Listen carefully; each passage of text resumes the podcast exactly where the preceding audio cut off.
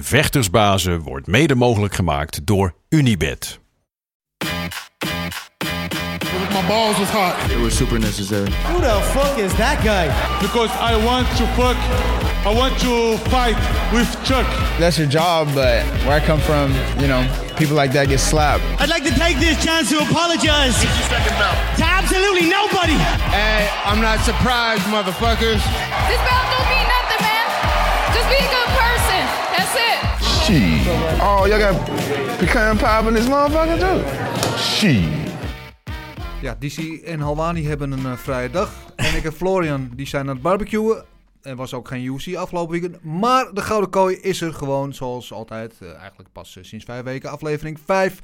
tegenover mij zit zoals vertrouwd de onvolprezen Prince of Podcasting. De enige echte Sam van Raalte. Sam, hoe is het? Goed man, hoe is het met jou Dennis? Ja, het was een beetje een gek weekend zo. Ik heb de hele zaterdagnacht heb ik lopen ijsberen door mijn slaapkamer. Wat moet ik dan met mezelf? Geen UFC? Nee, zonder gekheid. Ik heb eh, geslapen als een roosje. Heerlijk. Lekker man. Lekkere vrije, vrije avond gehad.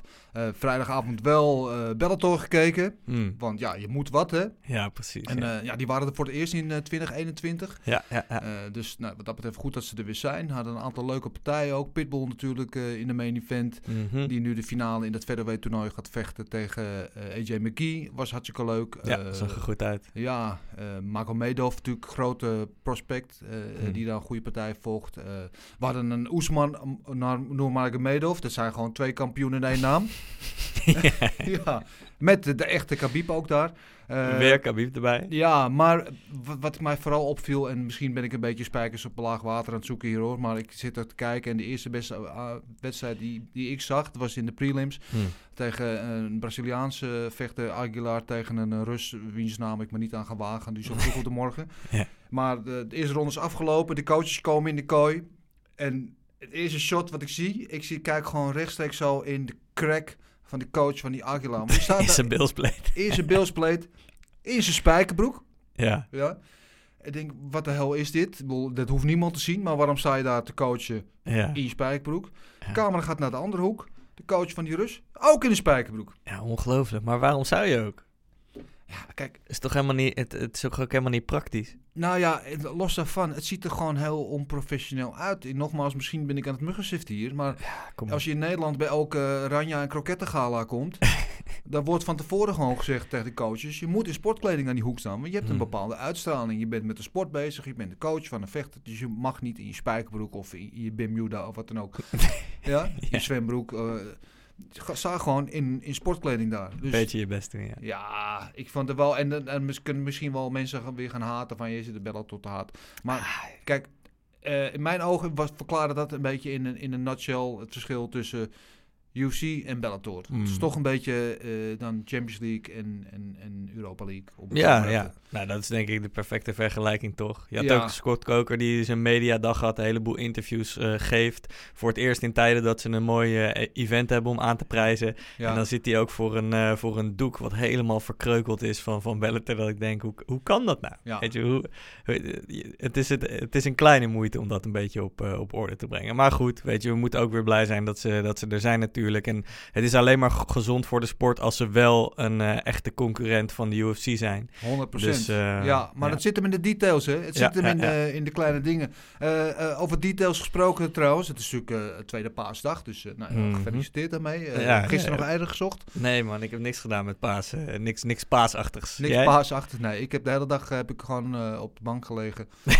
en eh, wat heb ik eigenlijk gedaan? Een beetje voetbal kijken, series kijken. Ja, en, eh, Eredivisie was terug, dat was nog Ja, iets dat was dan wel weer een beetje fijn. Ja. Maar, ehm, dat gezegd hebbende, het is vandaag eh Deep Dish Pizza Day. Oh, echt waar man. Ja, dat is Mm. natuurlijk wel een, een dag om bij stil te staan. dat is, uit welk gebied van Amerika komt dat vooral? Chicago. Chicago, hè? Ik heb nog nooit een deep dish pizza gegeten. Jij vast wel. Ja, ik, heb, ik ben in Chicago geweest. En het eerste wat je daar doet als je eraan komt, dan moet je inderdaad een deep dish pizza eten. En Mm. dat is, dan heb je gelijk gegeten van een week ook. maar het lijkt ook meer op een, op een quiche dan op een pizza. Het is Ja. zeg maar een soort, ja, een soort hele dikke, dikke korst heeft het. Hm, En daarin alleen maar lage kaas en zo. En, ja, en dan komt daar bovenop komt dan nog de vulling eh, die je hebt gekozen bij pizza. Dus echt, als je eraan denkt, word je al vol, hè? Ja, ik heb wel eens eh, eh, gezien hoe het gemaakt wordt en zo. Ik dacht, Ja. voor één hap en je zit al vol. En Amerikanen kennende krijg je dan ook nog eens een gigantische portie, jongen. Zulke, ja, zulke dingen. In, voor de mensen die, ja, je- dit is luisterpodcast. Ik beeld nu uit eh, ongeveer de formaat van een olifant. Ja.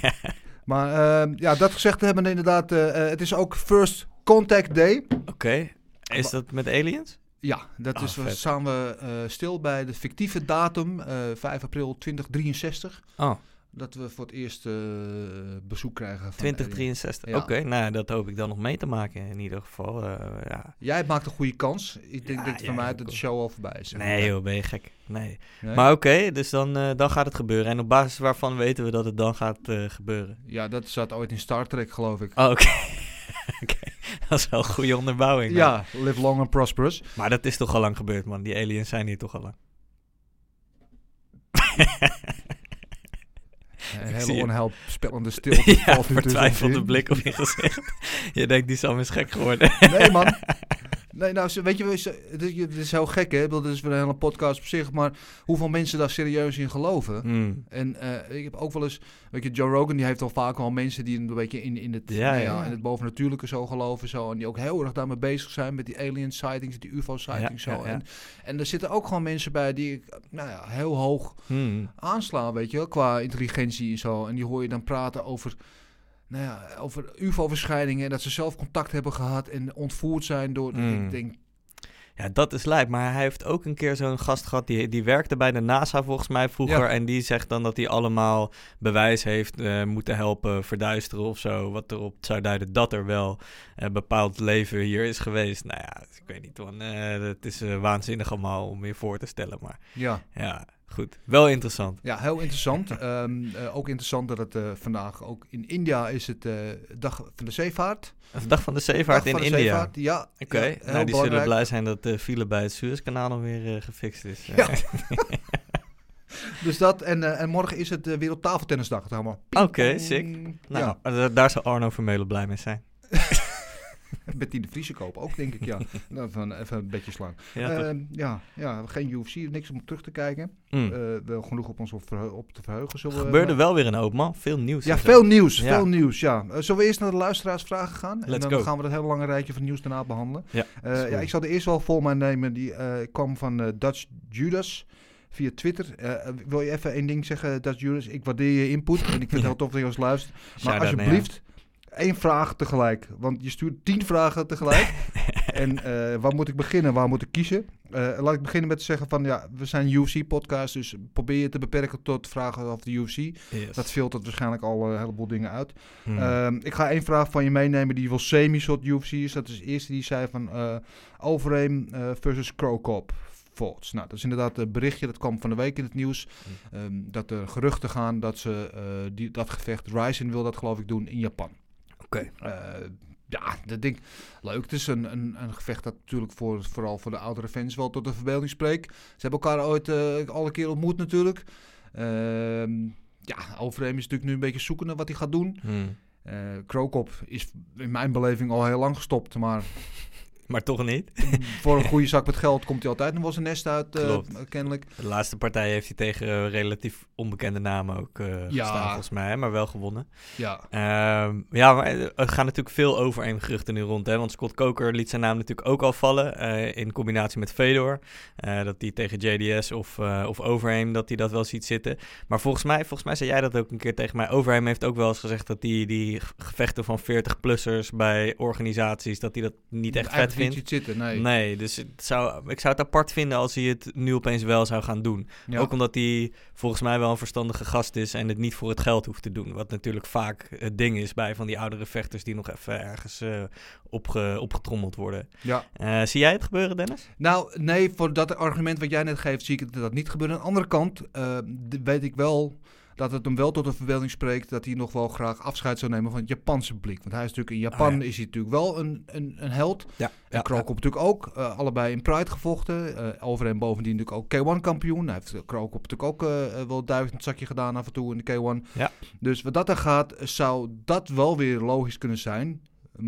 Maar dan hoeft het niet per se Krokop te zijn, kan het ook iemand anders zijn. Maar het is, voor de Hmm. fans is het natuurlijk wel een leuke matchup met het idee op het verleden om die twee giganten Dat je met een geweldige staat van dienst nog één keer eh, tegen elkaar op te zien nemen in, de- in eh, de Tokyo Superdome. Zou het dan moeten gebeuren voor 80.000 mensen. Als dat tegen, wordt tegen die tijd mag, wie weet. Ja, ja, Ja. ja. Nee, het zou geweldig zijn. Ja, Ja. ja, maar zat- ehm, ja, eh, en over hem, eh, hij heeft een hoop aanbiedingen Hm. eh, binnen. En die is volgens mij nu rustig naast elkaar aan het liggen. En die- ik hoef die namen niet te noemen van de organisatie van wie die, die aanbiedingen heeft. Die kan je zelf wel bedenken. Ja, Er, maar er zitten geen verrassende namen eigenlijk bij. Maar ik, ik neem aan dat hij met Glory ook wel eh, in gesprek dit is een van de partijen waar die schijnbaar mee in gesprek is. Ja. Ehm, dus ja, en, en, en Ryzen zal er dan ook ongetwijfeld eentje zijn. Bellator heeft hem ook een aanbod gedaan. Ik weet niet of hij daar dan serieus op in eh, eh, zou willen gaan. Maar eh, ja, dat zal, die, ik denk dat hij lekker de tijd gaat nemen om dat eventjes voor zichzelf uit te dokteren wat hij gaat doen. Ja, ja. Nou, daar heeft hij ook prima de tijd voor. Heeft hij ook wel verdiend. Lijkt me wel. Ja, toch?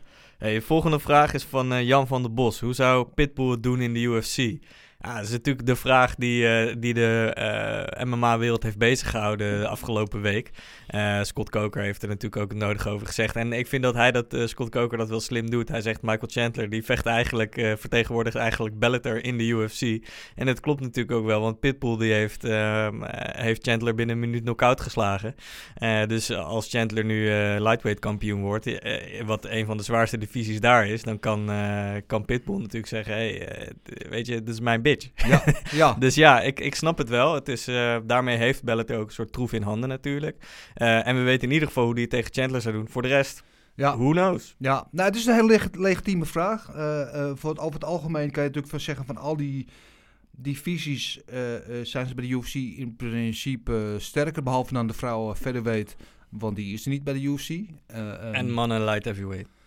En Nemkov is natuurlijk een, eh, een, een, legit eh, champ daar, absoluut. Die zou het eh, bij UFC ook goed doen. En, en Pitbull is de volgende. Die, Hmm. die is natuurlijk de, de, de featherweight en de lightweight kampioen. En hij vocht, vrijdag vocht hij dus in om, om de featherweight title en in dat toernooi.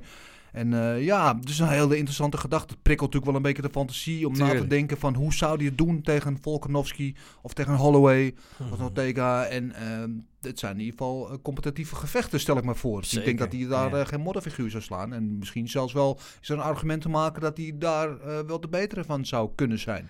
Ja, maar de vraag gaan we het ooit zien? Nooit, Nee, hè? nooit. Nee, Maar hij is Het blijft 34 fantasie. ook, hè? Ja, Ja, ik denk niet dat dat nog gaat gebeuren. nee, en de, de, haat eh, van Dana White naast Scott Coker en vice versa, die is zo groot. Die, weet je, die gaan, gaan elkaar echt niks gunnen. Ja, want ik vind wel dat Scott Coker, maar dat is natuurlijk een hele vriendelijke, respectvolle man. Hij praat Ja. altijd heel vriendelijk en eh, netjes over de UFC, vind ik. Maar, eh, maar daar zit dus meer tussen. Ja, nou, Scott Coker is ook een gentleman op en top. En is ook in tegenstelling tot Dana White, wat eigenlijk tussen aanhalingstekens een ordinaire promotor is, is. Scott Coker echt een eh, eh, martial artist. Hmm. Hij heeft zelf gevochten. eh zat natuurlijk al bij, bij de K1 eh, USA was hij al betrokken. Dus hij heeft echt een levenslange carrière van betrokkenheid bij die martial arts, kickboksen en MMA. En is wat dat betreft natuurlijk veel meer de gentleman. En die, die gaat, weet natuurlijk ook, die gaat het niet opnemen tegen de UFC. Want die zijn veel kapitaalkrachtiger. En die, als ze willen, maken ze Hmm. Bellator in één keer kapot. Ja, maar heeft UFC ook geen baat bij. Maar Scott Coker was natuurlijk ook de baas van eh Strikeforce. Ja. En eh, die zijn natuurlijk door UFC gewoon uitgemolken. Hmm. Die hebben ze natuurlijk gewoon opgekocht en alle vechters weggehaald en dood laten bloeden. En dat zit bij Scott Coker natuurlijk nog steeds... Hmm. eh, ja, dat zit hem niet lekker. Dus daar zit altijd wel een beetje animositeit. Het is jammer, want ja, je gunt de fans natuurlijk het beste wat je kan zien. En het beste is zijn, ja, Pitbull hoort absoluut bij de beste. Dus die wil je dan Hmm. ook tegen de beste zien van de UFC of waar, waar ze dan ook vechten. Maar ja, die belangen zijn zo groot, eh, commercieel gezien, dat gaat nooit gebeuren, Hm. helaas. ja, ja, ja. Maar de gedachte is inderdaad eh, prikkelend. Ja, Oké, volgende vraag. Ja. Via Instagram. Wat verwacht je van de terugkeer van Nate Diaz? Wat denk jij, Dennis? Ja, ik verwacht niet zoveel van eigenlijk. ja, nee, eh, ik, luister. Nee, ik ben groot fan van Nate Diaz. Begrijp me niet verkeerd. Ik Tuurlijk, vind dat die het echt fantastisch. wie niet? Ja. Ehm, maar ja, om daar terug te komen, hij heeft het altijd zijn gevecht aan het uitzoeken. Hè? En, eh, Hm. en Nate Diaz is altijd onberekenbaar. En, dan dan zegt hij, ik wil tegen die, ik wil tegen die. En dan komt hij bezig met een hele naam, een rare naam die je niet verwacht. En Leon Edwards had hem al een keer eh, uitgeroepen. Had hem al een keer weet je, om, uitgedaagd. En toen zei hij van, wie? Leon Edwards? Weet je wel, ja, daar ga ik mijn tijd niet aan voldoen en zo. En nu gaat hij best wel tegen hem vechten. Ja, ik denk niet dat het een hele verstandige beslissing is. Ja, het is, eh, het is bijzonder toch? Want hij wil, wel, wilde alleen de grote namen. eh, Ja. of, of vechters die een soort heel erg eh, bepaald imago hebben. Dat is waarom hij toen op een gegeven moment tegen, tegen Pettis en Masvidal natuurlijk wilde gaan vechten. En Edwards is juist iemand met, een, met heel veel skills, maar een gebrek aan een naam of een persona. Ja. Zelfs als hij twee uur bij Joe Rogan zit, denk je van, ja, nou, ik weet niet of ik hier nou echt warm van word. Weet je wel, kan die hier niet echt inpakken. En, en dan wordt die partij opeens gemaakt. Ook vijf rondes. eh, ja, dat vind ik wel bijzonder. Ja. ja. Maar dat vind ik dan ook wel weer vet aan Nate Diaz, dat hij dat dan dus weer wel doet. Zeg maar Ja. de gast tegen, niemand wil, eh, tegen wie niemand wil vechten uit die top 5, zegt hij, weet je wat, ik doe het wel. En op zich, de, de verhaallijnen die eruit komen als, eh, als Rocky wint, ja, dan heeft hij natuurlijk weer een goede stap gezet om daarna eventueel om de titel te gaan vechten. En Nate, ja, dat is natuurlijk het mooie, mocht hij onverhoopt winnen, ik zie het zelf niet gebeuren, maar dan is hij natuurlijk ook in één keer in die, in die top, eh, top 5 gelanceerd. Dus ja. ik snap het in die zin van beide partijen wel. En ik vind het toch wel weer badass van, van Nate dat, die, dat hij wel voor dat eh, gevecht tegen Leon gaat. Ja, dat absoluut. En hij schept natuurlijk weer een precedent. Hij doet weer iets unieks. Dan is het Ja. eerste co-main event die vijf ronden gaat. Wat natuurlijk wel bijzonder is. Dus dat staat dan weer ook achter zijn naam. Weet je wel. Ja, dus ja, hij schrijft zichzelf weer in de, in de geschiedenisboeken. Dus wat dat betreft allemaal top. En ja, nee, die is, blijft gewoon een legende. Wat hij ook doet. Maar ik denk niet dat het een hele goede matchup voor hem is alleen. Nee, ik denk want als v- zijn vorige gevecht in acht nemen tegen Masvidal... Hmm. eh, werd hij toch afgesminkt eigenlijk door Hmm. Masvidal. Eh, en als Masvidal tegen Edwards zou vechten, denk ik dat Edwards wint. Hmm. Ik- Ik denk dat Edwards beter is. Dus nou ja, wat gaat er dan gebeuren als Edwards tegen Nate Diaz gaat vechten? Ik denk dat Edwards dat vrij eenvoudig wint. En dat blijkt ook wel, want de, de, de boekjes hadden alvast een openings, eh, opening odds. En dat was Edwards geloof ik min 310 favoriet. Dus Hoe lang heeft Nate nu al niet gevochten ook? Eh, anderhalf jaar of zo? ja, zoiets ja. ja. Ja, is ook, gewoon, ook überhaupt natuurlijk wel weer gewoon zin om hem te zien vechten. Dat, is, dat, dat wordt alleen al gewoon hartstikke leuk. Tuurlijk. Ja. Tuurlijk. Oké, Ja. Volgende vraag. Ja, volgende vraag eh, kwam eh, via Fight Recap, eh, ook via Instagram. Fight Recap. Nou, het is leuk dat we nu na een paar weken al zien dat we een beetje vaste luisteraars Ja, hebben man. ook, hè, die ons volgen. Dus Shout-out naar jullie. ja, dat vind ik echt te gek. En hij vraagt zich af, gaat Jones Nagano gebeuren? Ja, Mhm. nou, als ik dat wist, dan was ik heel rijk geweest. Dan had ik voorspellende gaven. Ik, heb wel, ik heb wel mijn theorie daarover. Mm. Ik weet niet of je hem wil horen. Tuurlijk. Ik denk wel dat het gaat gebeuren, maar denk niet nu. Mm. Ik denk dat, eh, eh, want Jones is natuurlijk een beetje aan het bitchen met eh, Dana White. En het is gewoon puur onderhandelingsstrategie. Mm. En, en UFC wil vooralsnog geen duimbreed toegeven daarin. Dus Jones, die denkt dat hij gewoon lekker gaat uitzitten. En Nagano heeft al gezegd, ik wil snel vechten. Op het vinkertouw zit natuurlijk Derek Lewis. Die heeft ook gezegd, ik wil snel vechten. Dus Hm. nou, ja, 1 en 1 is 2. Ik denk dat die twee eerst gaan vechten. En dan Ja. waarschijnlijk ergens rond de zomer al.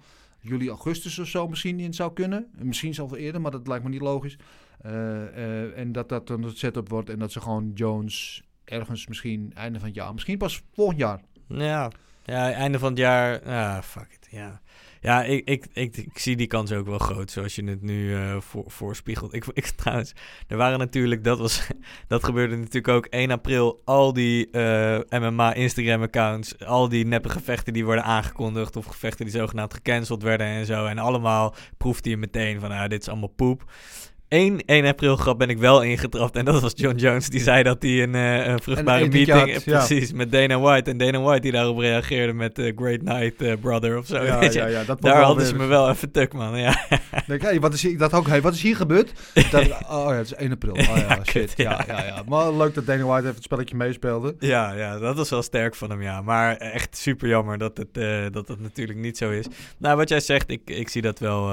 kijk, Derek Lewis is natuurlijk ook gewoon... Die heeft ook de afgelopen jaren zijn, zijn, ehm, eh, zijn marketing zo goed gedaan en op orde gehad. Die, zijn, zijn karakter is zo erg gegroeid en die, die is ook hot nu.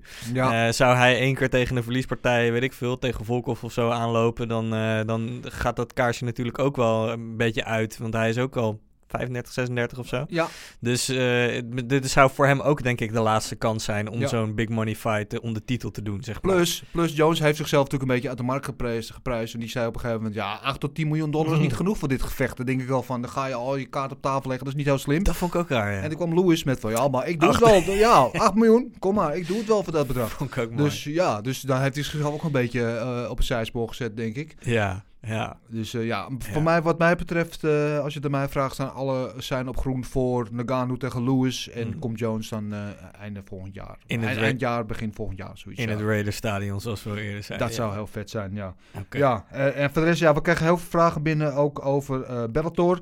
Ja, sorry jongens, moet je allemaal teleurstellen. We hebben het wel even over Bellator gehad, maar we zijn echt een UFC-podcast. Misschien dat we ooit nog een Bellator-podcast gaan beginnen als de spijkerbroeken in de ban worden gedaan in de hoek. Maar eh, nu is nog niet dat moment. Precies. Nee. Oké. Ehm, ja. Hey, heb jij Henry Hoofd weer gesproken deze Ja, week? over Bellator wel nog even te spreken. Ga ik vertellen. Eh, die had geen UFC, maar eh, ja, die was wel weer onderweg. Want ik dacht van, ja, aan die hoofd, geen UFC, lekker een weekendje thuis, Hmm. een zwembad. Maar nee, hij was in Connecticut. Eh, eh, bij Bellator met eh, Jason Jackson. Die vocht daar tegen Neiman Gracie. Hm. Natuurlijk een high-profile fight ook. En eh, ja, daar gebeurde ook weer wat akeligs. eh, qua ernst- ernstige blessure. Hebben we straks in het programma weer nog een heel ernstige incident. Hm. Maar deze was ook heel erg nasty. Laat me even luisteren naar eh, wat Henry te vertellen had erover. Oké, let's go. met een takedown is zijn gezicht eh, langs de cage gekomen. En aan, aan de onderkant Ja. hij heeft zijn eyelid opengesplit. Dus hij, hij was, zijn eyelid was open en zijn oog was aan het bloeden. En Ja. toen zei die, die scheidsrechter was daar beneden. En die scheidsrechter zei, is alles goed? Die zei, toen zei hij tegen mij, want hij keek opzij. Hij zei tegen mij, ik kan niks zien. Maar die scheidsrechter hoorde dat ook. Dus die scheidsrechter, toen zei ik tegen hem, blijf rustig, blijf gewoon in die positie. En niet alleen ik, maar ook de andere coach natuurlijk. Ja. Blijf rustig, blijf in die positie. eh, je hebt nog een ander oog, dat zei ik. Je hebt nog een oog. Maak je niet te druk, dat komt goed, weet je. Zoiets. En dan, toen ging die scheidsrechter ook vragen stellen. Want die hoorde, ik kan niet zien, ik kan niet zien. En die zag dat er bloed in zijn oog kwam. En dat bloed kwam eruit langzaamaan. En toen, nee, toen, toen gingen ze toch door.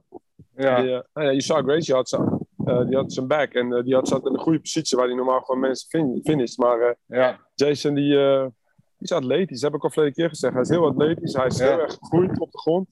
En toen kwam hij terug naar de hoek. En toen zagen we dat. De cupman was erbij. Daar hebben ze zijn oog schoongemaakt. Ehm, maar ja, hebben hem op kunnen pompen. En eh, hij heeft toch met die één oog... Heb je toch, toch die laatste twee rondes... Heb je gewoon heel goed gedaan. Slim.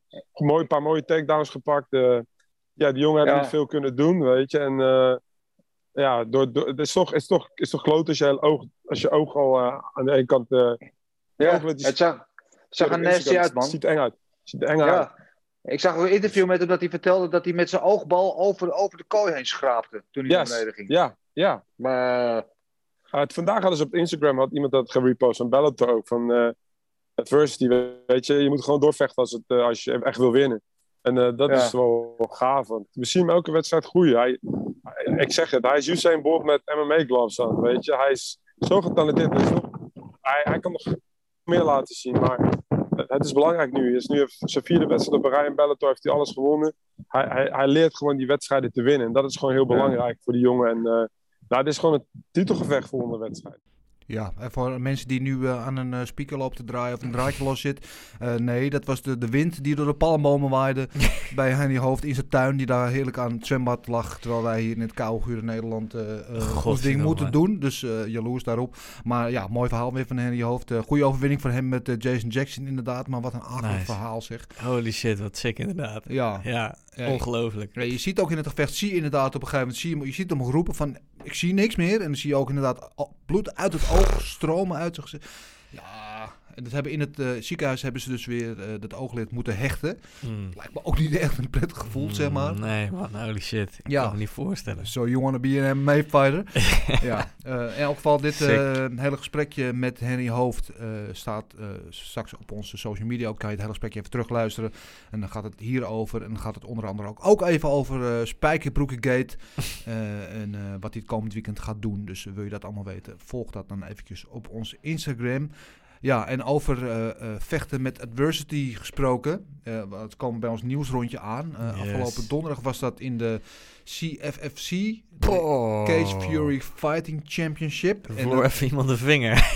zo, wat was dat nasty What zeg. Hey. fuck, man. Ik heb alleen de foto's Piliev? gezien. Ja, ja, nou... wat- Dennis, vertel wat er gebeurde. Ja, het was echt... Mensen met een, met een zwakke maag, draai even het geluid uit. Want zelfs als je het alleen al hoort, is het al akelig. Laat staan als je het ziet. Nou, ik heb het gezien. Eh, wat er gebeurt ergens in een eh, eh, grappling exchange. ehm, trekt die tegenstander van Pliev trekt aan zijn handschoen. Wat niet mag, is illegale move. Maar die Mm. trekt, begint aan zijn handschoen te trekken. Waardoor de bovenkant van die handschoen zeg maar, in zijn vingers snijdt. Daar is zijn vingers dus zeg maar, een soort van losgeraakt. Zeg ik Hmm. dat netjes. Eh, vervolgens staan ze weer op. Ze gaan staan verder.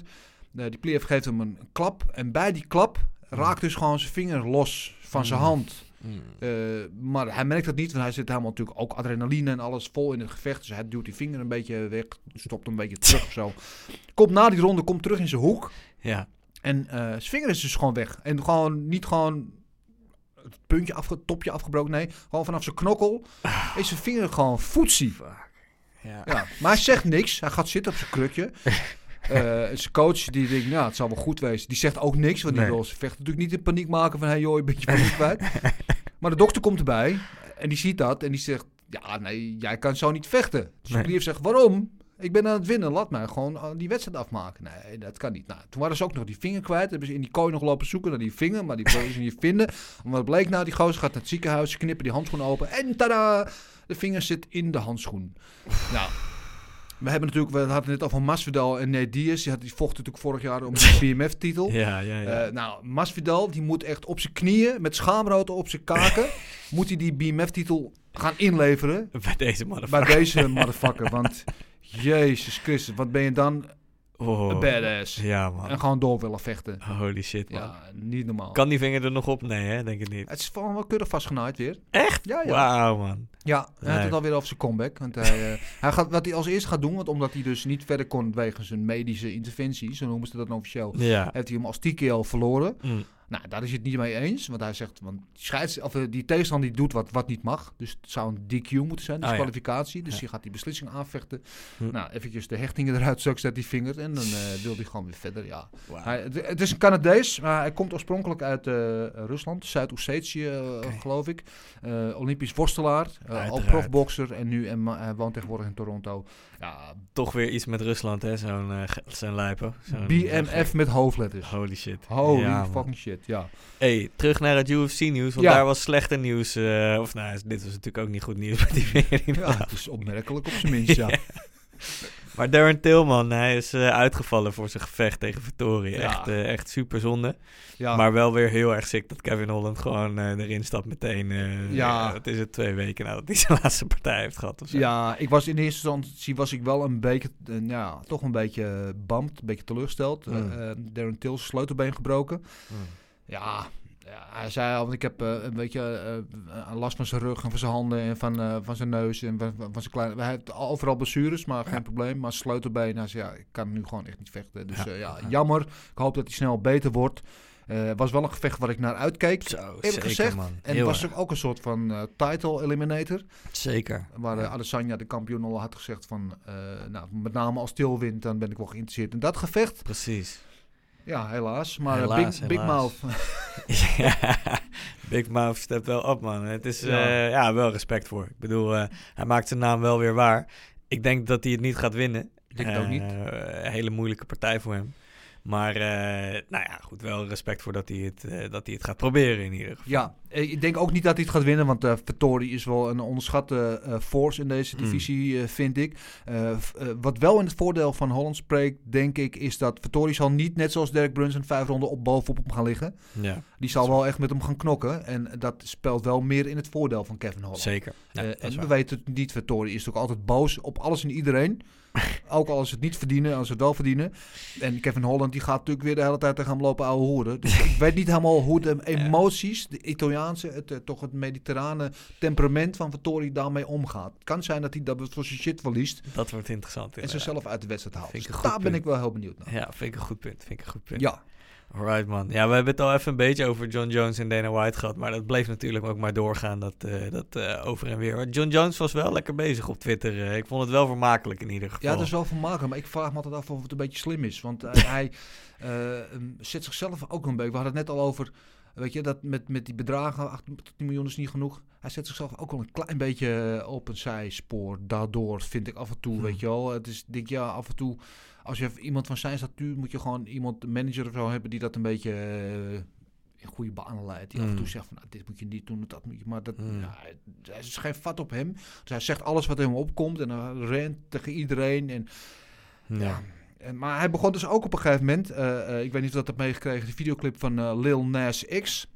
Over die Nikes met, die, met bloed erin of zo. Ja. Toch Satans schoenen Ja, die die. geeft in de videoclip geeft hij de duivel een, een lapdance. En ze hebben naar aanleiding van die videoclip heeft hij dan zelf een aantal customized Nike's eh, eh, op de markt gebracht. Ja. Waarin zogenaamd een druppel menselijk bloed zit. Oké, sick. Nou, dat ging helemaal verkeerd bij eh, John Jones. Die natuurlijk zwaar eh, religieus is. Hij heeft ook een religieuze tekst op zijn lijf getatoeëerd. Maar die dacht dus dat Nike die schoenen had ontworpen. En die Ja. had, nou, dit kan niet. Dit is eh blasphemy. En die gaan al mijn Nike's morgen verbranden. Oké, sick. Ja, ja, ja, ja. En toen Ja. uiteindelijk heeft Nike zich er ook van gedistanceerd, Ja. toch? Want die hebben daar eigenlijk helemaal niks mee te maken. Dus, eh, Storm in een glas water. Maar ik, hoezo, hoezo gaat John Jones zo, zo heilig doen dan? Die gast is zelf een satans kind, man. Ja, is niet helemaal vrij van zonde, nee. Nee, lijkt me niet de persoon om de eerste steen te werpen. Nee, man. Zeg op deze zalige tweede paasdag. ja. Ja. John Jones. Ja, lijp. Maar goed, Ja. dat heeft hij volgens mij ook weer teruggetrokken, toch? Daarna. Of Ja, wel. eh, En, eh, maar hij vindt altijd wel weer een nieuwe steen des aanstoots. Wordt hij nou nog gesponsord door Nike? Is dat ook zijn ding? Of niet? Hij had een grote deal wel vroeger mee. Maar ja, volgens mij niet meer. Ah, nee. Nu zeker niet meer. Nee, dat is nu, die brug is nu achter zich verbrand. eh, Ja, lijkt mij. Ja. Ja. Ja, ik nog even over die tweets, weet je. Kijk, ik vind het inderdaad van die concrete bedragen noemen van eh, zo en zo veel is niet genoeg. Dat vind ik ook niet slim, omdat je dan eigenlijk zegt wat wel genoeg is ook, weet Ja. je wel. Dus dat vind ik ook gewoon niet zo handig. Maar ehm, eh, dat die zo ageert tegen de UFC en tegen Dana White met hun onderhandelingstactieken en zo. Eh Luke Rockhold had er ook weer wat over gezegd deze week. Ik denk dat dat wel goed is als vechters eh, daar gewoon heel vocaal over zijn. Tuurlijk. Alleen, eh, maar wat wat Luke- ik er wel vind, wat ik wel sorry dat ik je in de reden val. Het gaat altijd, al- als vechters daar iets over zeggen, gaat dat over ik moet meer verdienen. Ja. Het gaat niet over wij moeten meer verdienen. Ja, Kijk, precies. ik denk dat iedereen het ermee eens is. eh, in het algemeen, UFC is gewoon een money machine. Mhm. Dat de vechters in het algemeen meer betaald moeten krijgen. Ja. En niet alleen Don Jones, die toch wel een van de topverdieners is. Maar juist die gasten die op de undercards vechten voor 10.000 of 15.000 dollar. Mhm. Weet je, die verdienen het om meer betaald te worden. Want Hmm. die hebben ook dezelfde eh, eh, voedingsdeskundige trainers, alle kosten die ze moeten maken, weet je wel, maar ja, helemaal geen reden over. Dus het gaat, ik denk dat zij meer, en dat zijn ze volgens mij al jaren mee bezig met die, met die vechtersvakbond, om als, Mhm. als ja, eh, eh, eenheid op te treden tegen de UFC, om dat voor elkaar te krijgen. En dat lukt maar niet. En zolang dat een beetje van individuele eh, eh, gevechten blijkt, je, zoals John Jones nu ook weer doet, ja, dan blijft het eh, een lastig verhaal, denk. Ja, nee, helemaal mee eens. Dat wou ik ook gaan zeggen inderdaad. Dat die, die vechtersunion, die moet er gewoon komen. En zolang dat niet zo is, dan, dan gaan ze gewoon eh, machteloos staan. Ook omdat de UFC zo'n sterk bedrijf is. En dan komen we weer op wat, waar we het eerder hadden met... Als Bellator zeg maar de enige, enigszins concurrent is... maar die kan financieel niet met je wedijveren... ja, dan is het, kan de UFC ook gewoon zeggen... ja, oké, eh, bevalt het je niet... fuck maar af naar een van die andere organisaties, weet je wel. En dan verlies je profiel en inkomsten.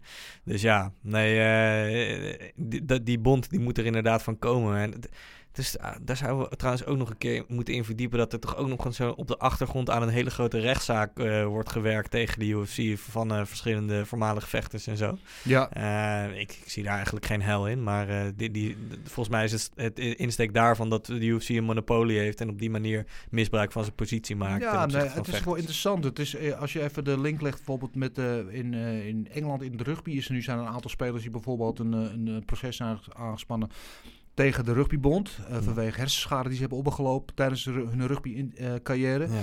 Ehm, en dat geldt bij UFC natuurlijk ook. Er moet toch een soort van fonds komen of potje komen, want daar gaat die rechtszaak dan ook met name over. Van wat doen we met gasten die een hele leven hebben gegeven aan de sport. Hmm. En daarna een soort van, eh, ja, als halve wappies achterblijven. Of door alle klappen die ze hebben geïncasseerd, weet je wel. Want dan wordt niet meer voor ze gezorgd. Er is geen pensioenfonds zoals je bij het voetbal wel hebt. Ja. En de VVC, weet je Ja, wel. Dat, ja, ja. dat ze na een carrière gewoon nog een soort van eh, eh, pensioen krijgen. En vechters hebben dat niet. En, en ja, dat is ook wel iets interessants. Maar dat is een hele, heel ingewikkeld vraagstuk. Daar moeten we ons inderdaad misschien een keer wat meer in verdiepen. Ja. Voordat we daar echt wat zinnigs over kunnen zeggen. Maar ja, dat is wel iets wat op de achtergrond zeker nog eh, interessant is. Hey, en ander leuk nieuws eh, wat uit Engeland kwam, dat Paddy de Baddy Pimblett heeft getekend voor de UFC, man. Ja, daar gaan we van genieten. Ik weet niet of hij het niveau eh, op die manier aan kan. Eh, wat hij heeft laten zien bij Cage Warriors is Ja. hartstikke vet. Eh, natuurlijk legendarisch vanwege zijn kapsel. Hij ziet eruit alsof hij uit de jaren. 60 komt. Ik ben jaloers op. Gaat naar, ja, ik ook. Hij gaat naar raves toe. Hij komt ook op op, volgens mij is het een nummer van Chesto zelfs nog wat geremixed is. Ja, geweldige, geweldige gozer. Ik heb nu al zin om die entree te zien in, in de UFC, man. Ja, maar luister, deze man tekent bij de UFC. Hmm. En binnen 2,5 dag heeft hij ruzie met iedereen op Twitter. Iedereen. Vechters, fans, coaches, noem maar op. Iedereen. Ik denk, nou, dit belooft wat. Eh, Als, als dit de toekomst wordt, dan eh, hebben we hier misschien wel een eh, toekomstige McGregor op de hand. Misschien niet met dezelfde skills. Ik ben wel heel benieuwd trouwens, want inmiddels is onze man in the know, de man die alles weet, alles volgt, alles ziet. Marcel Dorf eh, is ook aan de lijn als het goed is. Zometeen alvast voor de, het laatste nieuws. Maar Marcel, als je me hoort, misschien wil je hier ook vast even op eh, inwegen, Paddy eh, Pimlet, wat je daarvan vindt. Ja, ik hoor jullie. Horen jullie mij ook? Ja, zeker. Luid en duidelijk.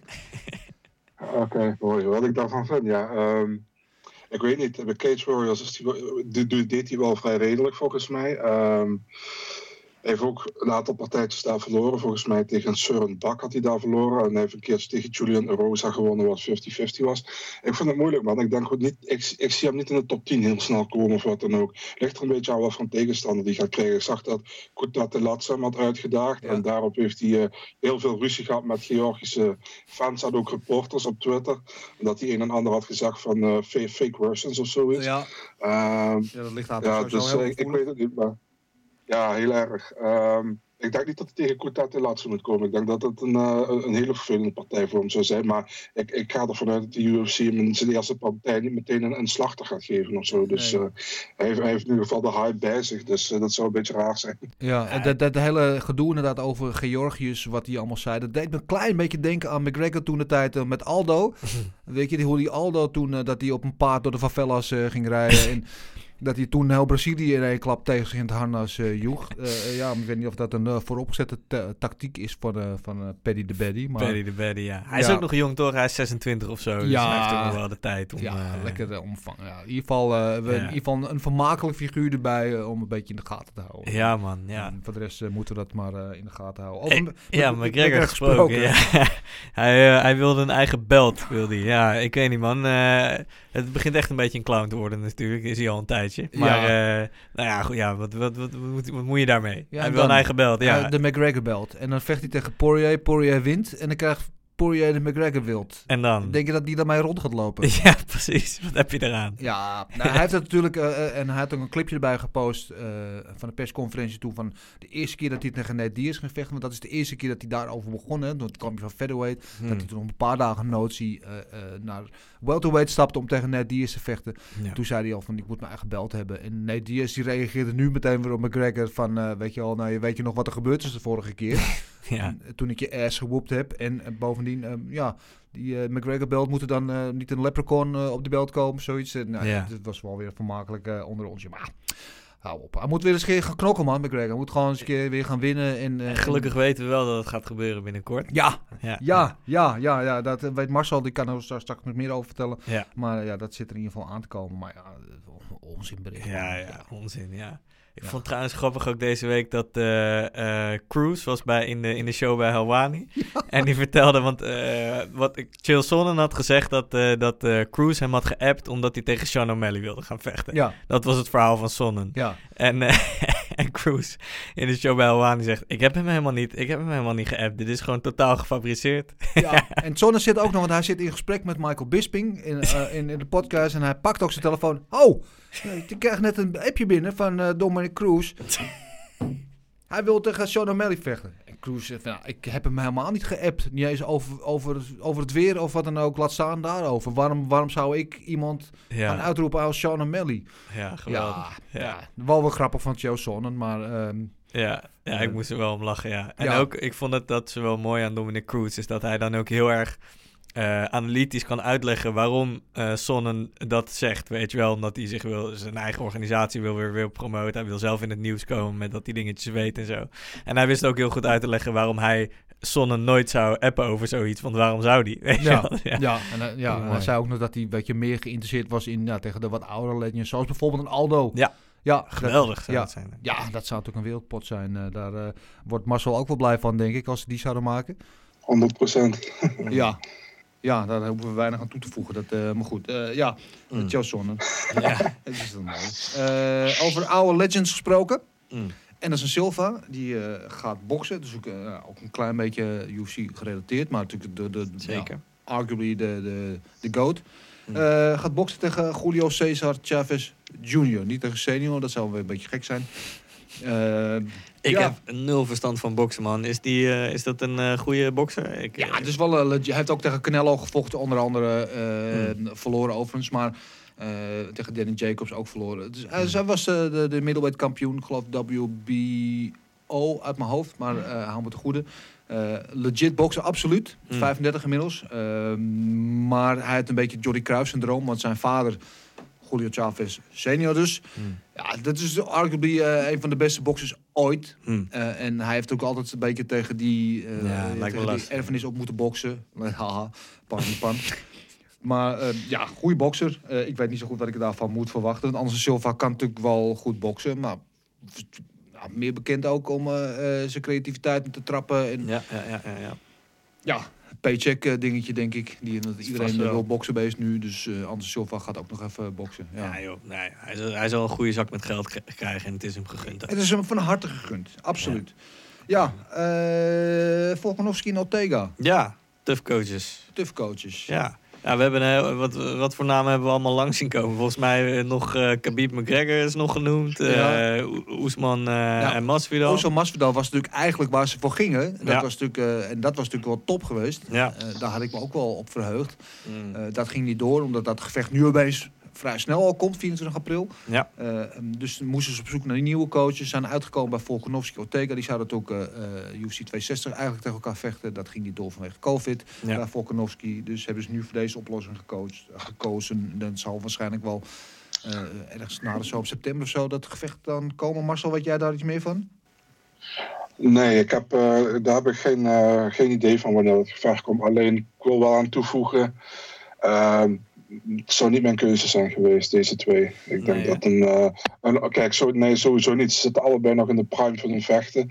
Eh, je ziet heel vaak bij de tough coaches dat de beste tough coaches zijn toch de vechters die al iets verder in hun carrière zijn. Die al een beetje, zeg maar. Eh, al, ja, het zijn allebei gevestigde namen, maar echt al een beetje veteraanachtig zijn. Die, die meestal goed coachen, weet je. Ja. En deze jongens zijn nog vooral bezig met hun eigen carrière en zo. Ja. Dus eh, ja, ik vind het een rare keuze, laat ik het zo zeggen. En ook geen voor de hand liggende keuze, eerlijk gezegd. Nee, nou ja, ik ben het helemaal met je eens. Ik, ik word er ook niet per se heel erg warm van als ik eraan denk. Eh, Ik denk dat het een beetje een noodgreep is inderdaad. Toen de optie Masvidal Oesman van tafel verdween, moesten ze op stel sprong, want ze hadden die, die, die nieuwe serie al aangekondigd. Dus neem aan dat ze al vrij snel willen beginnen met, eh, met filmen. En dat ze ook al alle kandidaten zo opgeleid hebben. En eh, dat ze toen eh, bij deze twee uitkwamen. Dus het is een beetje een, ja, een, noodverband lijkt me. Ja, ja. Nou ja, het is, het is niet anders. Maar ja, alsnog kan, het, eh, kan het mooi worden. Zullen we naar eh, Marcel's nieuws gaan? Ja, Marcel, nou je er toch bent. het, was, nou, het was geen UFC, maar daarentegen was er wel heel veel nieuws afgelopen weken. Ja, man, eh Brad Okamoto heeft weer een eh, paar gesprekjes met Dana gehad, volgens mij. Want eh, de, de helft van juni is aangekondigd qua, qua main events. Maar goed, laten we eerst naar de grootste partijen gaan. Allebei hebben ze bevestigd. Dustin Poirier en Conor McGregor, 10 juli, main event. Ja. UFC 264. Vet. Ja, zin in. Ja. Ja, ik, ik denk dat ik mijn geld toch wel weer op Poirier ga zetten. Wat denk jij, Marcel? Ik vind het heel moeilijk, man. En het is puur omdat in de eerste ronde was Conor wel beter dan Poirier. En eigenlijk totdat hij echt weer eh, een soort van cardio-probleempje kreeg. eh, toen, toen pakte Poirier over en versloeg hij hem. Ik vind het heel moeilijk, man. Dus eh, ik, ben nog op, ik ben nog niet zeker wie ik ga kiezen. Ja, ja ik vind het ook eh, lastig. Ik vind het wel mooi. Ze zijn natuurlijk 1 en 1 nu. Ja. Allebei een finish over elkaar. Dus wat dat betreft is het een perfecte trilogy eh, match. En de vraag is... eh, want de vorige keer zei McGregor... Ja, was niet voorbereid op die, op die calf kicks. Hm. Eh, ja, is hij daar nu wel voorbereid? Hij zal natuurlijk wel wat aanpassingen gemaakt hebben. Dus hij zal ongetwijfeld anders eh, daar komen dan, dan, dan de vorige keer. En als hij slim is, laat hij ook zijn jacht thuis deze keer. Komt hij gewoon wat serieuzer voor de dag. eh, gaat hij een beetje meer terug naar de Rocky eh trainingsmethodes.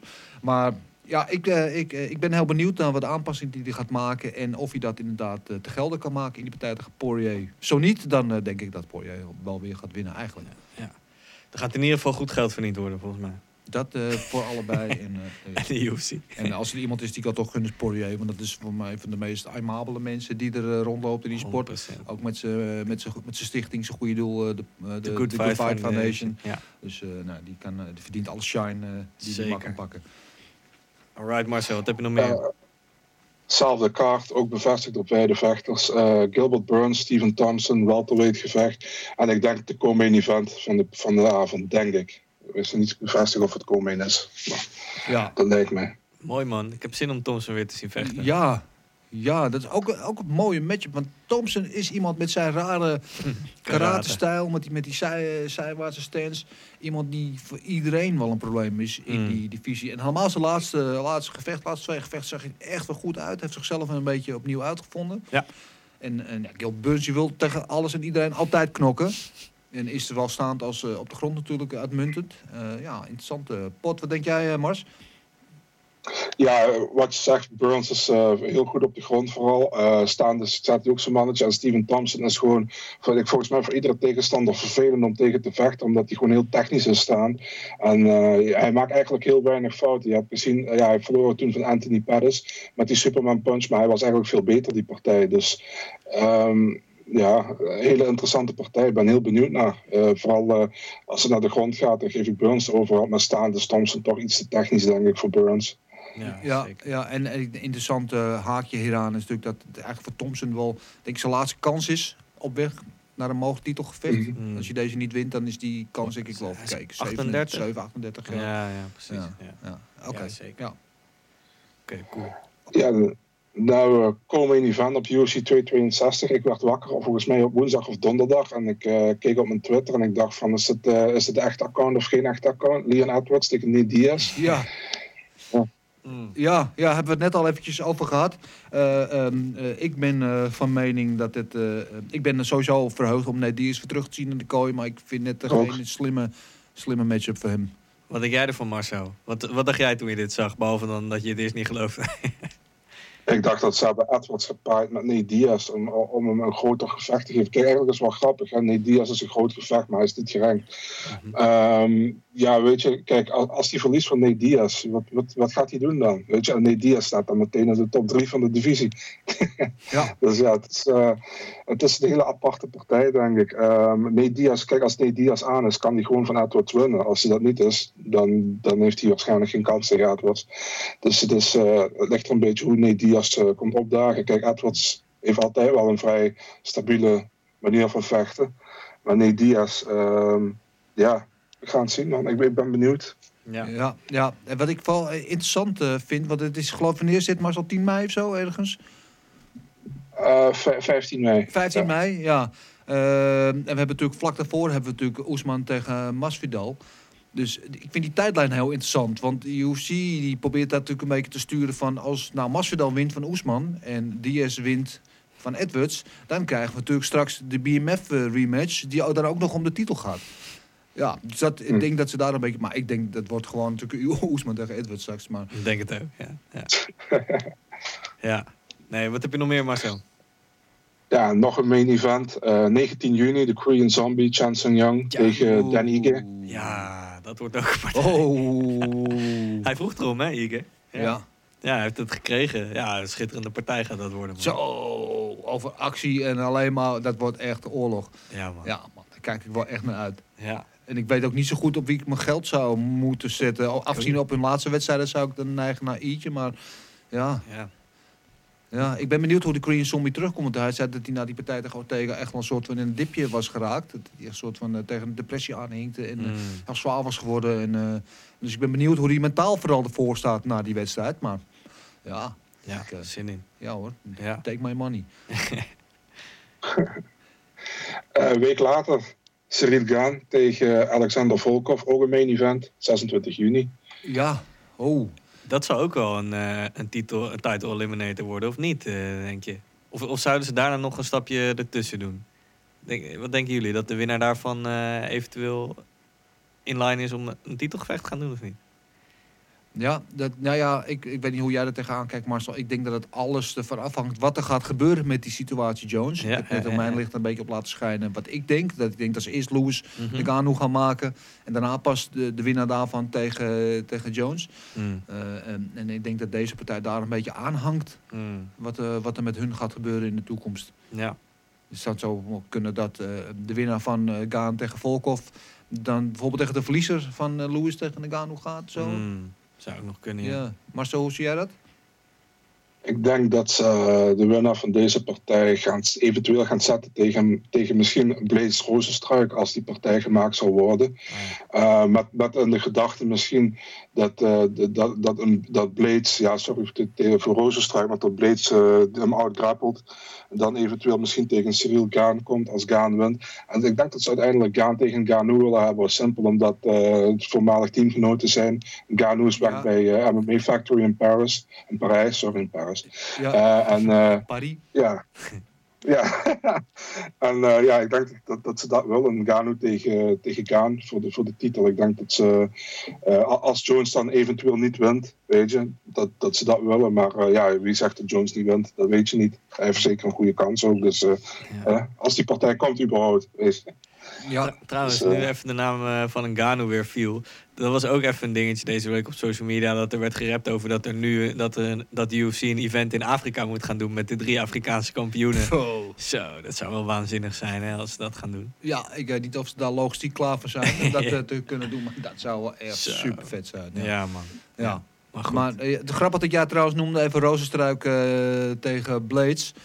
Want ik had de afgelopen week de contact met uh, Michael Babb, de, de trainer van, van Rozenstruik. En Ja. die zei, ja, ze zijn in afwachting van een nieuwe deal. Maar hij verwachtte dat het of Volkov of Blades werd. Hm. Nou, Volkov gaat nu dus tegen Gaan. Ja. Eh, ja, dus dan blijft er maar één over. Dus dat zal dan inderdaad wel eh, Blades worden. Dus die zullen we wel, wel binnenkort ook horen dan. Wie zien jullie winnen van die twee? Ik vond Volkov er echt erg goed uitzien de laatste keer. Gaan was natuurlijk, eh, had niet veel nodig tegen Rozenstruik, in ieder geval ogenschijnlijk. Het maakte daardoor ook niet per se heel veel indruk of zo. Of tenminste, was niet heel knallend. Volkov was natuurlijk waanzinnig. Hoe zien jullie die partij gaan, eh Gaan Volkov? Ja, Marcel, jij mag eerst. Ja, weet je wat het is, man? Ik weet, heel veel mensen zijn heel erg haai op Volkov. Maar dit is eigenlijk pas de eerste keer tegenover hem dat ik hem echt goed heb vinden vechten, man. Hij heeft heel vaak, ja, tegen Lewis dan ook, maar toen werd hij knock-out geslagen. Maar de- in die andere partij heeft heel vaak, bijvoorbeeld tegen Verdum, heeft hij gehad dat hij gewoon achter stond. Dat Verdum daarna eh, zijn cardio niet op orde had. En dat hij toen van hem gewonnen heeft. Hij heeft een partij tegen Tim Johnson samen, wat hij gewonnen heeft, wat hij niet gewonnen had eigenlijk. Dus weet je, ik, ik vind het heel moeilijk. Eh, tegen Blades werd hij eh, continu naar de grond gehaald. Eh Gaan, Gaan is eigenlijk ook moeilijk te beoordelen, omdat hij eigenlijk pas één toppartij heeft gehad tegen Rozenstruik. En Rozenstruik kwam die dag, die dag opdagen. Dus ehm, ik, ik vind het een hele moeilijke partij. Mijn, mijn, mijn eerste gevoel zou zeggen Gaan met een decision, maar dat kan nog veranderen. Ik weet het nog niet zeker. Ja, ja ik, ik neig ook een beetje naar die kant. Maar inderdaad, een hele interessante matchup. Want, eh, Ja. Volkov zag er inderdaad de laatste wedstrijd tegenover hem beter uit dan die er ooit had uitgezien. Eh, inderdaad, jij noemt die wedstrijd eh, tegen Lewis, dat hij in de, la maar ja, in de laatste seconde verloor. Maar die wedstrijd domineerde hij eigenlijk gewoon volledig. En ja, Gaan is natuurlijk gewoon de, de nieuwe hot thing in town. Ja, heel interessant qua matchup. Qua, denk dat Reach een eh, grote, grote factor gaat spelen in deze wedstrijd. Als Volkov dat die heeft met Sam Schild getraind Hm. in het verleden. Eh, als hij dat goed weet uit te buiten, eh, dan heeft hij misschien wel het voordeel wat dat betreft. Maar ja, Ja. Cool. Hey Marcel, wat had je nog meer? Ehm, ik heb nog eh Damien Maya tegen Bilal Mohammed, Ja. UFC 263, 12 juni. ja, Mooi, ja. ja, ja mooi voor uh, Bilal Mohammed. Die gun je wel een naam. Zeker. Toch? Ja, die, die heeft het wel verdiend. Ik bedoel, Yes. Dat die partij tegen Edwards niet kwam. Dan waren we het allemaal wel over eens dat Edwards wel verder zou gaan. Nou, dat is ook gebleken. Maar Bilal Mohammed, ja, die verdient het wel. Op, ba- eh, op basis van wat toen gebeurde, dat hij een, een mooie, mooie naam op papier in ieder geval krijgt. Ja, ja, daarom. Ik Ja. denk de perfecte oplossing eh, op deze manier. Ja, Marcel, wat denk jij? Ja, sowieso man. Ik, denk, eh, ik, ben, ik ben blij voor Bilal. Ik denk dat hij zeker nog een... eh, kijk, hij, hij pakt die short notice partij tegen Edwards. eh, voor, of eh, de no contest in verband met zijn oog. En eh, ik ben wel blij dat ze hem ook zeg maar een eh, tegenstander van naam geven. En eh, het is wel Maya zijn laatste partij van zijn contract. Dus het zou kunnen zijn dat het zijn laatste is in de UFC. Dus eh, ik ben wel benieuwd naar. Ja. Ja. Oké, zullen we verder gaan naar aankomende week? Dan gaan we... Kaching, ching, ching! Gokken, op knokken! Let's go. Ja, ja eh, 10 april, er is weer de UFC eh, Fight Night. Eh, we hadden het al over dat we de main event verloren. dat Marvin Vittori daar nu tegen Kevin Holland gaat vechten. het is ja, het is op papier wat mij betreft een van de mindere kaarts van de afgelopen periode van de Hmm. UFC. Maar daar zijn we natuurlijk ook wel verwend de laatste weken. Er zijn niet ja, behalve dan de main event, niet echt hele grote eh, namen op de kaart. Maar ja, heel vaak in de praktijk blijkt dan dat de kaart waarvan je vanaf misschien Precies. minder van verwacht, die het meeste vuurwerk opleveren. Ehm, toch wel wat leuke potjes. Eh, eh, Sam Alfie, Smile Sam staat er onder andere op. Nina Enserov, eh, beter bekend als mevrouw Amanda Nunes. Tegen Mhm. Mackenzie Dern, ik ben wel fan van Mackenzie Dern. En Ja. de terugkeer van Mike Perry, Platinum Mike Perry. Ja, tegen Daniel Rodriguez. Eh, Jim Miller staat er ook nog in de, in de prelims. Eh, maar laten we ons eh, even beperken tot de drie main fights. Ja, toch. Laten we maar beginnen met de main event. Mm. Marvin Vettori verloor natuurlijk zijn high-profile match tegen Darren Till. is daar nu voor teruggekomen. Kevin Holland hadden we het net al even over. Ja, Ja. ja, ja moeten we daarvan denken? Ja, dat is lastig hè. Kijk, je zou natuurlijk zeggen, de, de odds zijn ook duidelijk dat Vittori die gaat winnen. Zeker Ja. als we eh, zagen hoe, hoe Holland er in zijn laatste partij uitzag. Eh, dus het meest logisch lijkt mij een, eh, een beslissing voor Vittori. Maar eh, ik, ga, ik ga een gokje wagen met deze odds. Kevin Holland gewoon weer even uit het niets. Misschien dat hij, eh, als hij gewoon eh, niet een eh, vol kamp heeft gehad... dat hij gewoon weer wat te geks uit de hoog goed kan toveren. Dus ik ga voor een, eh een knockout in de tweede ronde. Knockout in de tweede ronde. van, van Holland. Ja, denkt weer een Jacare-achtige moeilijke move vanaf de... bo- Oké, Oké, knockout tweede ronde. Marcel, kom er maar in. Ja, man. eh 100% Vittori. Submission, derde ronde. ja, oké, ja, duidelijk. Ja, ik zie eigenlijk ook de enige manier waarop Kevin Holland eh, dit kan winnen is als hij Vittori knockout praat. dat hij gewoon helemaal slap lult. Ehm, ja, normaal gesproken, kijk. Vittori was natuurlijk al in de oorspronkelijke matchup tegen Til was hij al licht favoriet. Nu is hij helemaal dik favoriet. Min 300 tegen plus 250. Dus ja, ik snap jou wel, Sam. Ja, ja. Je krijgt natuurlijk wel eh, waar voor je geld als je die bet maakt en je wint hem. Maar het- ik denk dat het een beetje weg, eh, weggegooid geld is. Zonde van je poen, houd lekker in je zak. Ik koop een bosje bloemen voor voor je meisje. Eh, ja, Mark Vittori is gewoon een van, eh, van de top contenders in deze divisie. Die eh, ehm, eh, maakt een hele goede kans. Hij is degene van alle tegenstanders van Israël Adesanya die het het moeilijkst heeft gemaakt in de middleweight divisie Zeker. zou je kunnen zeggen. En ik zie eigenlijk niet waar Kevin Holland dit gevecht zou kunnen winnen. Ik, wat ik net al zei, eh, zijn voordeel is wel dat het waarschijnlijk wel meer staand zou gaan dan tegen Derek Brunson, die natuurlijk inderdaad vijf ronden bovenop op me heeft gelegen. Ja. Maar ik eh, ga voor Vittori ook. En eh, ik denk niet dat het een finish wordt, want Kevin Holland is wel een taaie gozer. Hebben we natuurlijk tegen Brunson ook gezien. Maar ik denk dat hij ja, way in over zijn head is. Ik denk dat hij op decision gaat verliezen. Alright. Sadiq Yusuf tegen Arnold Allen dan. Wat denk jij, Marcel? Ja, een, leuke partij, denk ik. Er zijn twee eh featherweights die eh, zeg maar eh, opkomend zijn. Ik ben, heel, ik ben erg fan van Sodiq Yusuf. Ik vind hem een hele goede vechter, compleet ook. Ehm komt altijd vooruit, komt altijd om te vechten. Is, is goed zowel staan als op de grond. Arnold Allen vind ik ook wel een goede vechter, maar vind ik dat tegen mindere competitie gestaan heeft in de UFC. Staat ook, eer- staat ook op nummer 10 volgens mij in de rankings. Heeft nog nooit tegen een ranked vechter gevochten in de UFC. Ik vind het heel apart dat hij daar staat, als ik heel eerlijk ben. Ehm, ja, weet je, Arnold Allen is gewoon eh, heel degelijk. En heeft maar twee heel Mary submissions. Heeft hij nog altijd een undefeated record in de UFC. Want tegen Mats Burnell in zijn debuut tegen Alan Omer stond hij eh, 2,5 ronde achter. En toen kwam hij opeens met een submission uit de hooghoed. Een soort van Derek Lewis, maar dan met submissions. Ehm, ja, nee man, ik ga voor Yusuf veel completer. Eh, unanimous decision.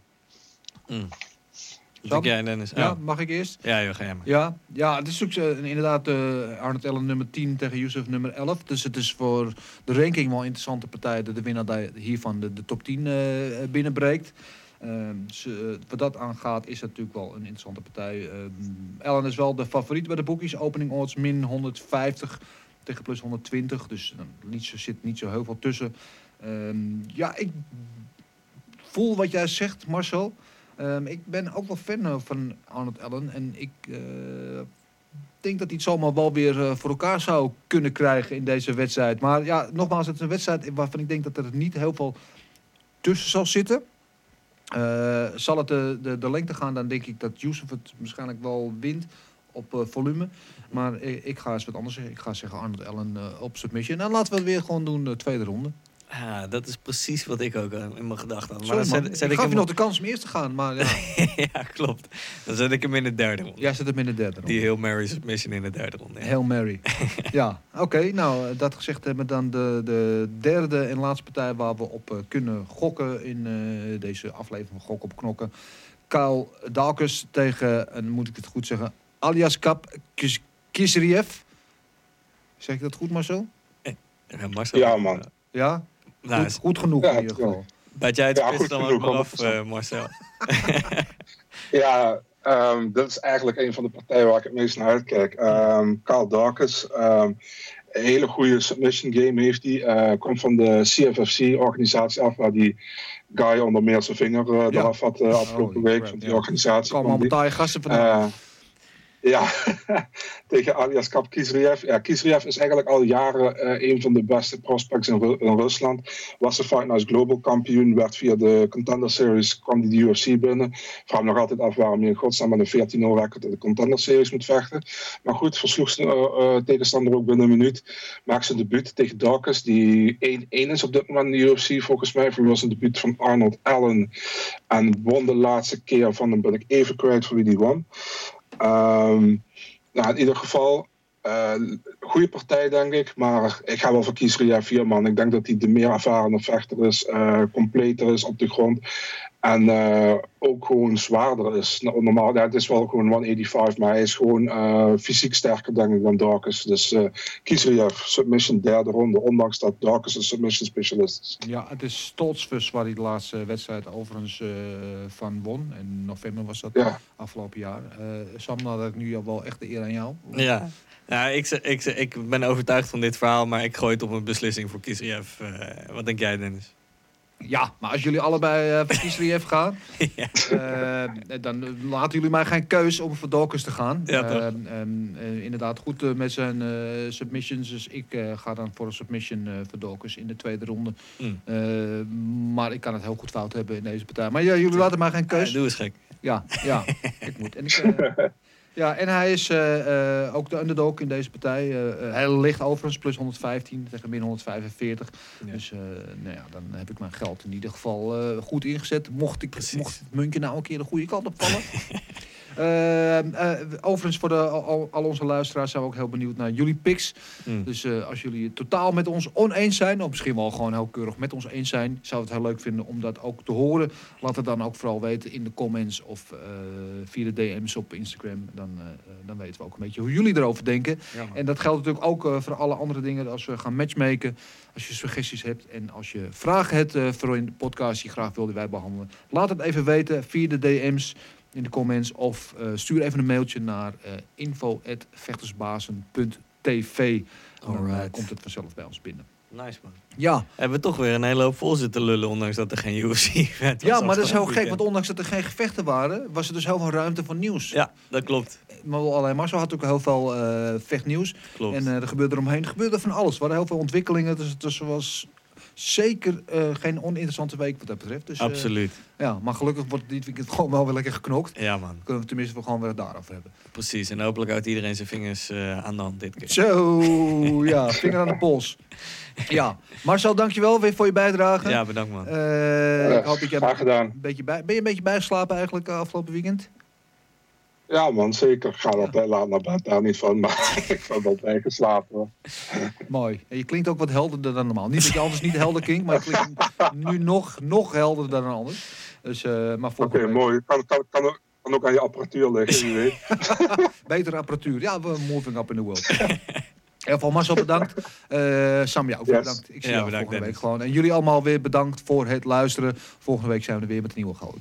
Later. Mazzel! Everything is possible in your life when you believe. I'm not God or none, but I just baptized two individuals back to back. You, you know, they're, they're selling you all wolf tickets, people. You're eating them right up. Just give me location. Every day I send Dana White message. Hey, where's my location? Hey, pussy, are you still there? I wouldn't like to do that fight again. Oh, What round they rise and fine ass at?